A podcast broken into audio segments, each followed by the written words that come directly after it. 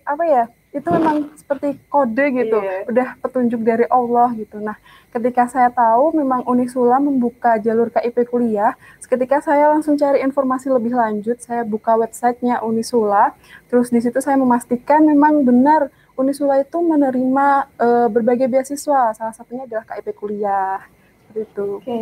Nah, kan ini tadi nyalinya hanya sebatas di media sosial ya. Terus Iya. kakaknya sendiri untuk mencari lebih lanjutnya itu langsung datang ke Unisula kah? Atau prosesnya semua serba online kan lagi masa pandemi ya ketika itu daftar Iya. ya kak? Itu gimana?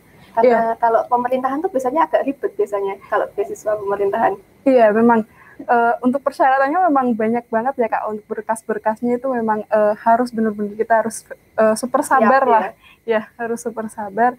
Nah, uh, untuk semuanya itu saya aksesnya online kak.